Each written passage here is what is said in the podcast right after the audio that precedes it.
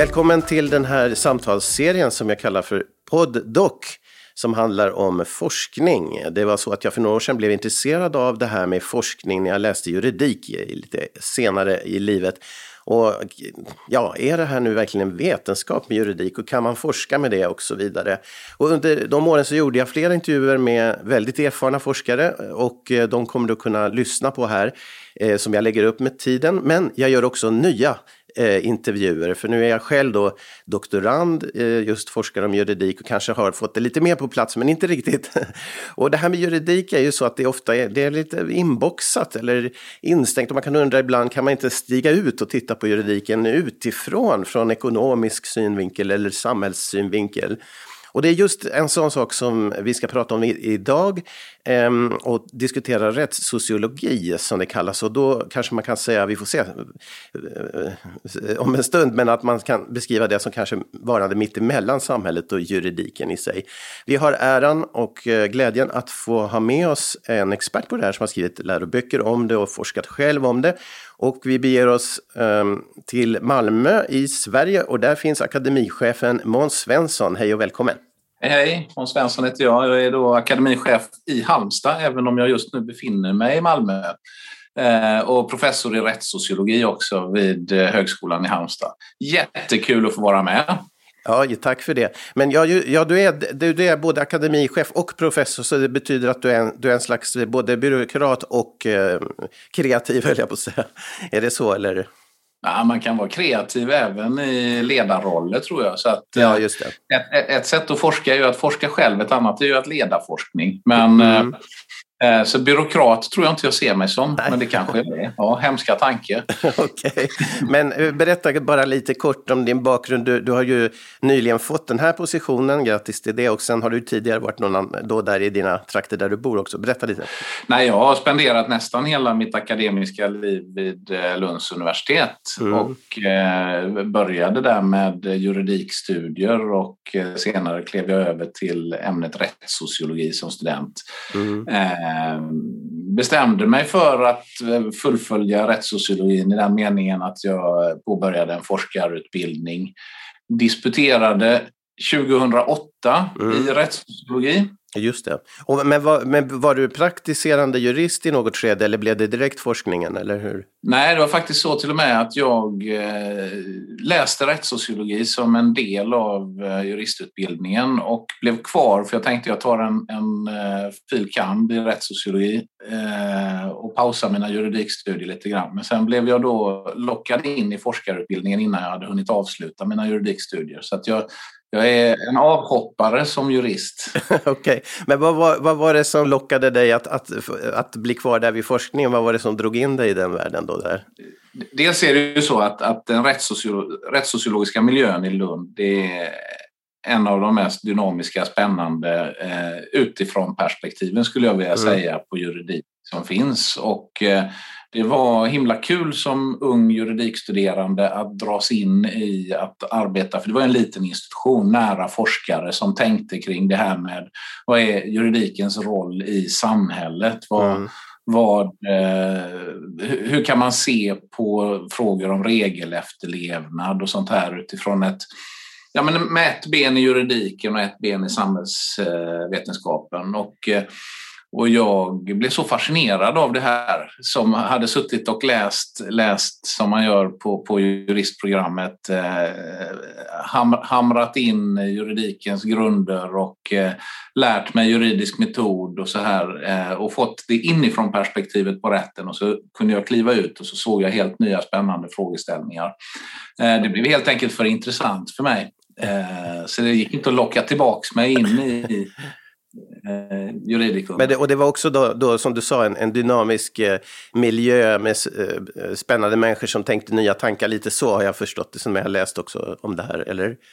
Ja, verkligen. Och det, man kan säga att det var Uh, han är fortfarande still going strong. Mm. Uh, professor Håkan Ydén som, som på något sätt uh, samtidigt som jag kom in som doktorand, det var ungefär i den vevan som han på allvar började skissa upp tankar om en normvetenskap mm. där normer kan, kan fungera som någon slags eh, fenomen i samhället där jurister och eh, samhällsvetare kan mötas, där man utifrån olika, alltså med olika Eh, perspektiv och ingångspunkter kan diskutera eh, egentligen samma fenomen, normer. Juridiska normer å ena sidan och sociala normer å den andra sidan. Och det där tyckte jag var superspännande. Mm. Och om man, om man ska förklara rättssociologi för den som inte är så bevandrad i det, hur, är, är det så man ska säga eller hur, har du, hur gör man för att berätta vad är det ungefär? Eh. Ja, men den, den, den, riktigt breda beskrivningen handlar ju om att, eh, att rättssociologi handlar om att förstå eh, juridiken i sin samhälleliga kontext. Mm. Och med det menar jag då hur juridiken eh, fungerar i förhållande till och påverkar övriga samhället och hur övriga samhället fungerar i förhållande till juridiken. Mm. Och ibland så pratar man om att eh, juridik politiken och eh, samhället, det sociala, är två olika dimensioner. Men det är det nog inte, utan juridiken är en del av samhället. Och det är väl en av de här grejerna som, som jag tycker att jag eh, eh kunde upptäcka när jag kom in i rättssociologin. Mm. Men sen är det så att rättssociologi är så tvärvetenskapligt och så brett mm. att eh, man kan nästan prata om att rättssociologin är ett externt perspektiv på rätten som kan ta sin utgångspunkt. Från början var det ju väldigt mycket i sociologin men, men i allt högre utsträckning så, så handlar det också om att förstå rätten ur ett eh, historiskt, socialpsykologiskt, ekonomiskt perspektiv. Så ett mm. externt perspektiv på rätten, så, så skulle jag nog säga i sin allra bredaste form. Men för mig så är ju så har jag ju fångats av den här idén om att, eh, att det finns någonting där som faktiskt går att jämföra i samhället eh, mm. i övrigt med vad som finns inom juridiken och det är ju normerna. Då. Och börjar man gräva i det här filosofiskt så upptäcker man att det, det går att hitta gemensamma nämnare, det som man skulle kunna kalla för essentiella attribut i det juridiska normbegreppet och det samhälleliga normbegreppet som överensstämmer. Mm. Så det gör att man kan göra mätningar, empiriska mätningar av i vilken utsträckning juridiska normer har stöd i eh, sin, sina sociala motsvarigheter. För, för, då, för då skiljer man på normerna, som, det är två typer av normer, det är de rättsliga och sen några andra då menar du? Som man... ja, men egentligen så är då, va, det, det finns ju en, en eh, rättsvetare och eh, jurist Erlich som, som för över hundra år sedan formulerade tankar kring rättens förhållande i förhållande till vad han kallade för eh, the living law, den levande rätten. Och eh, han menade ju på, och det håller jag med om, att det finns egentligen ingen ontologisk skillnad mellan rättsliga normer och andra normer. Mm. Att ontologiskt så, så är det samma sak, det är samma varelse. Men det finns ändå attribut mm. som, som är eh, specifika för juridiken. Eh, och det finns attribut mm. som är mm. specifika för andra system i samhället, till exempel religionen eller eh, ekonomin eller så här. Så att normvetenskapen blir ett sätt att, att bringa ordning i lite grann. Ibland har jag när jag pratar med studenter pratat om det utifrån hur, man, hur, Carl von Linné tänkte kring botaniken och eh, eh, att det blir ett ja. sätt att bringa ordning i det som är våra normativa strukturer i samhället. Ja, de är som blommor som man ska sortera upp då, liksom växter ungefär. Men, men, men, men det här med attribut skulle man kunna säga då i, i, i den juridiska delen, är det till exempel att de är eh, av en auktoritet i staten stiftade där, att de har en makt, eh, punishment med, eller, eller kan det vara sådana attribut som utmärker då till exempel lagar och sådant, eller de rättsliga normerna? Ja, men det är det ju, och här finns det, inga, här finns det ju inga, det, det får man ju liksom som forskare själv komma fram till vad man vill sätta ner foten i, i eh, ja, det, finns mm. inga ved, det finns ju ingen vedertagen definition av vad rätten är för något. Det är ju, ju ganska spännande för det, det mm. upplever man ju inte som eh, juridikstuderande, att det råder någon tvekan om vad rätten är. Men ju mer man gräver i den frågan, desto mm. mer inser man att det beror på. som så mycket annat så hamnar man i ett det beror på. Ja. För det, det går inte att prata om rättspluralism ja. med utgångspunkt i att det bara är staten som, eh, som eh, skapar rättsliga normer. Och då skulle vi tappa väldigt mycket av den rättspluralistiska forskningen om man har det. Men det finns ju absolut de inom rätt, äh, rättsdogmatiken som skulle hävda att det där är inte rätt. Eh, det är inte, det är inte lagar på riktigt. Mm, ja, precis. Ja. Men den här konflikten eller, eller olika, de här olika världarna, vad, vad beror det på att det finns någon form av, det är inte helt harmoni eller öppet? Nej, det är det inte. Jag tror i och för sig att de juridiska fakulteterna i allt högre utsträckning, eh, det, det råder det nog ingen tvekan om, att, att de juridiska fakulteterna i Sverige i allt högre utsträckning tar till sig eh, ett externt perspektiv, kanske inte nödvändigtvis alltid ett sociologiskt perspektiv. Men, mm. men eh, det, det, har öppnats upp möjligheter för doktorander att göra empiriska undersökningar i sina, i sina avhandlingar till exempel. Mm. Eh, mm. Forskarstuderande juridik. Så jag tror att den där klyftan är, den är på väg att minska på något sätt. Men vad, vad den har för ursprung eller vad är, vad är det som är konflikten? Eh, har du tänkt på det? Jag tror att det har att göra med rättens legitimitet faktiskt.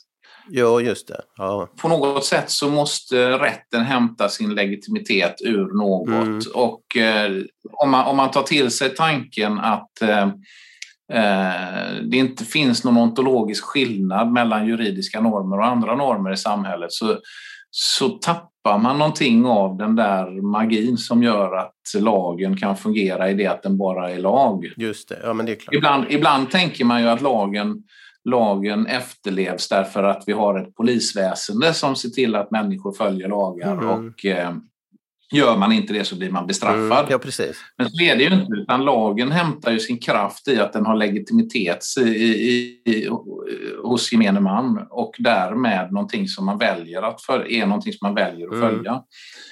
Eh, och och den här särskilda ställningen, den här särskilda legitimiteten som de juridiska normerna har eh, i samhället. Om man pratar för mycket om det faktum att det finns andra normativa strukturer som, har, som fungerar på samma sätt. Eh, om, man, om man lyfter det för mycket så riskerar man att förlora legitimitet. Mm. Och det tror jag att eh, det ligger mycket i också. Så att det finns nog en poäng i att, att betrakta juridiska normer eh, och rättsliga normer som en egen varelse mm. i många sammanhang. Man får vara lite vaksam, behandla det lite vaksamt eller vad ska jag säga, försiktigt.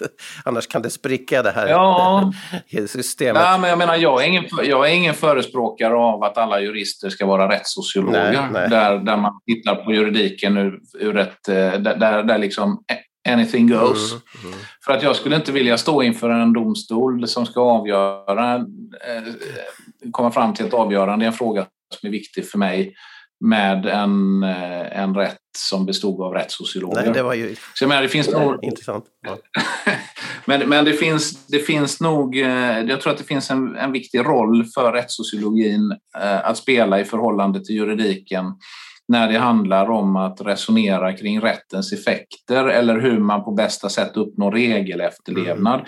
Eller för den delen att faktiskt vara den där lite kritiska, det där kritiska perspektivet på rätten där man kan visa på att eh, eh det finns förbättringsmål. En sån här klassisk uppgift för rättssociologin genom historien har ju varit att peka på skillnaden mellan law in books och law in action. Mm. Alltså att det, det, som, det som står i lagen är inte alltid vad lagen mm. gör.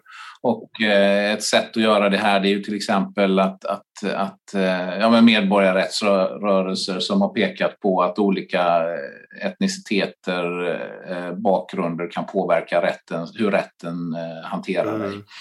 Genom jämförande studier av hur, hur rätten har agerat i förhållande till olika kategorier av människor eller för den delen olika delar av samma land och så här om man tittar på det internationellt. Mm. Så, så jag tror att det finns, finns många viktiga, vad ska man säga, eh, Samhällsnytta eh, liksom, eller utvecklingspotential? Ja, med samhällsnytta. Mm. Men, men jag menar för rätten mm. finns det en stor anledning att vårda rättssociologin. Jo. Men kanske inte ta in rättssociologin som en juridisk metod. Om du förstår hur jag tänker.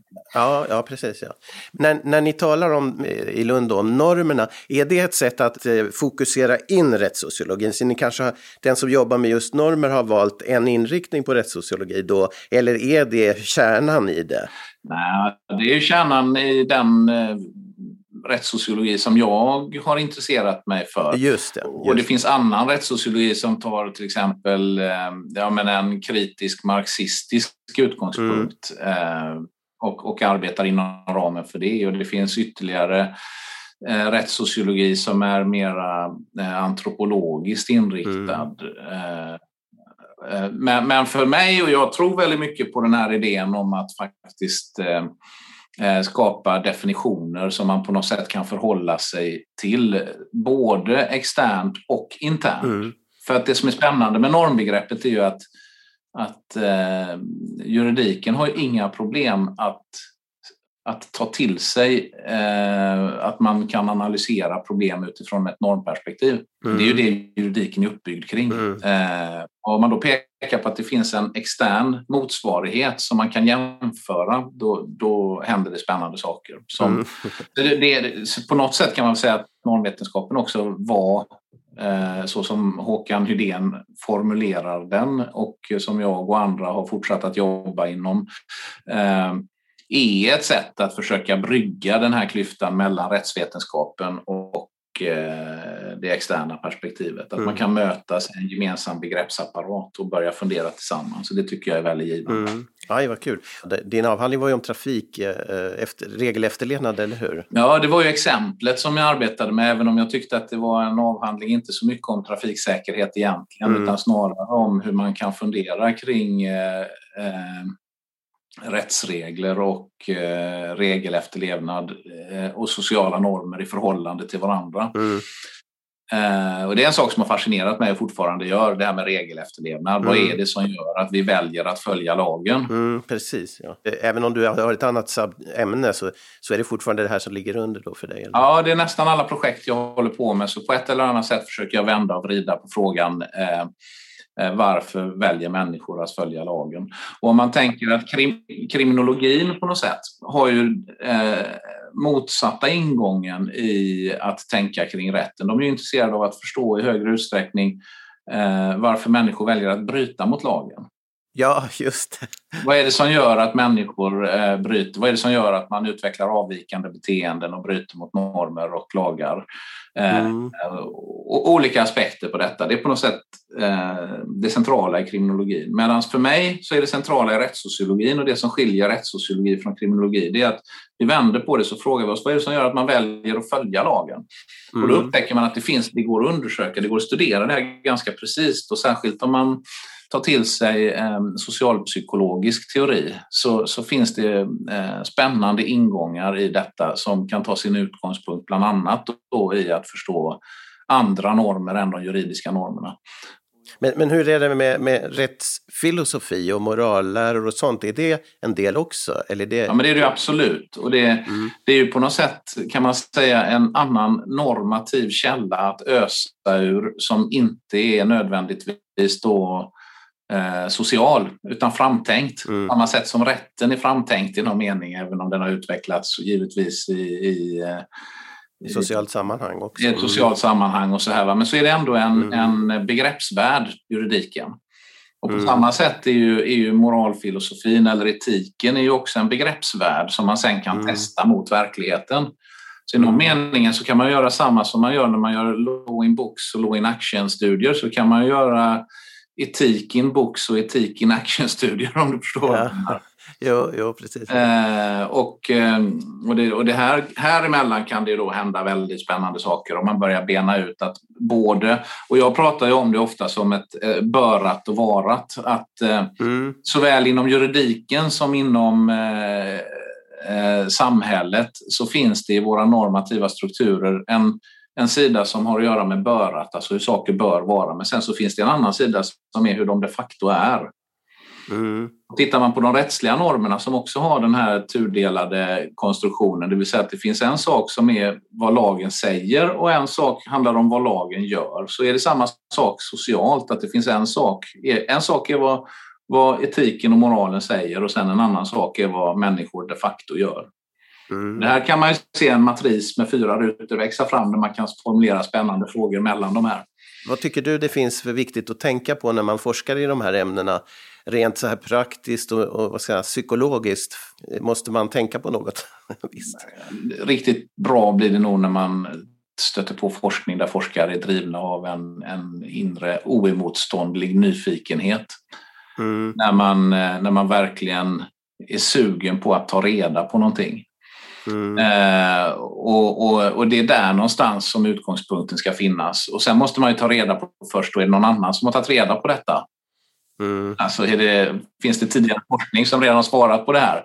Ja, men då kan man ju få sin nyfikenhet stilla den vägen. Men om det inte är det, ja, men då blir den här nyfikenheten akut och man måste ge sig ut och börja undersöka Eh, oavsett om det har att göra med juridik, där man kanske då eh, inom rättsdogmatikens sfär undersöker hur saker och ting ligger till i, eh, i den juridiska konstruktionen. Eh, eller om man då som jag försöker förstå juridiken i förhållande till någonting som pågår i samhället och som formuleras samhället utanför juridiken. Mm. Nyfikenhet är för mig helt centralt. Men det här med att få saker gjort och det här förhållandet mellan att, att läsa och skriva och fundera. Och, jag får inte riktigt det att gå ihop. Och hur, hur tänker du kring sådana saker? Så att det blir något producerat också, för det har du ju verkligen gjort själv också. Producerat. Jo, men, men avhandlingen satt långt inne kan jag säga. Jaså? Det tog, mig, det eh, tog mig nästan ja, nio år tror jag det var Eh, mm. färdig med avhandlingen. Och det, det var just på grund av att jag höll på med massa andra grejer. Och jag gav mig mm. in också i utredningsväsendet och fick vara mm. med och, och, och, jobba lite grann med i, i lagstiftningsprocessen. Och, så här. Mm. Så att jag, jag hade svårt att sitta still. Eh, och det är, väl, det är väl en nackdel med att drivas av nyfikenhet att, att man eh, kan lätt förledas att gå i en annan riktning än den som är instrumentellt den man kanske ska gå i för tillfället. Ja, men vad hände så att du fick det klart? Och vad var det som gjorde att du fick det? Ja, men jag bestämde mig för att antingen så tar du och skriver färdigt din avhandling eller så lägger du ner. Och då stod jag där och insåg att jag har ju ändå investerat en 8-9 år i det här så att det vore ju korkat att inte sätta sig ner och skriva färdigt det nu. Mm. Så, så jag, jag, satte väl lite tvång på mig själv att nu får du bestämma dig. Ska du vara kvar i den akademiska världen så får du skriva färdigt din avhandling annars blir det ju ingenting med den här karriären. Ja, Okej, okay.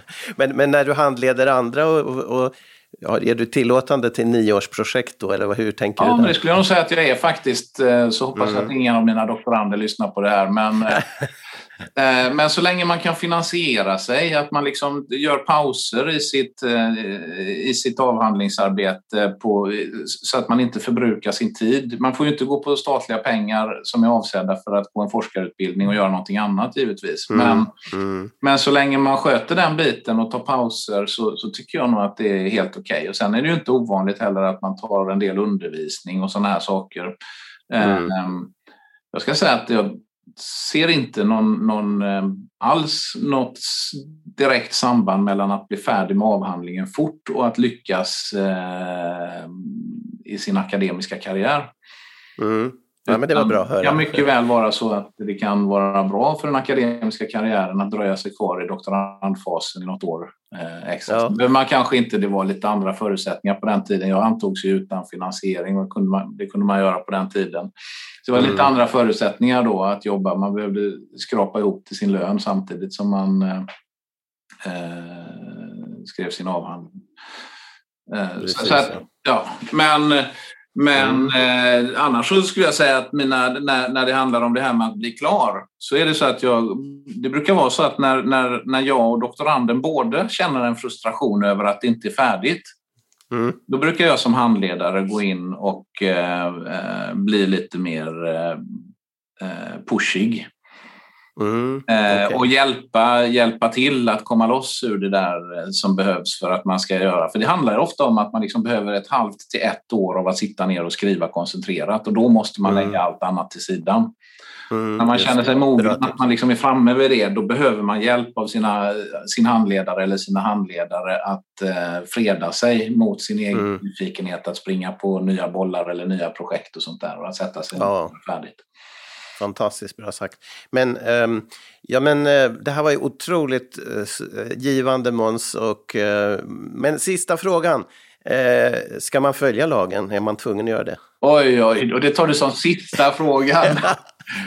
Eh, snabba svaret på den frågan är nej. Hade alla mm. människor genom historien följt lagen så hade vi haft ett förskräckligt samhälle. Eh, det, mm. Även där krävs det en dynamik där, där eh, lagbrott eh, förstås och analyseras av den demokratiska rättsstaten som utvecklas mm. som ett resultat. Ja, Okej, okay, bra. Fint, fantastiskt slut. Måns Svensson, tusen tack för din medverkan. Tack så mycket Henrik, jätteroligt.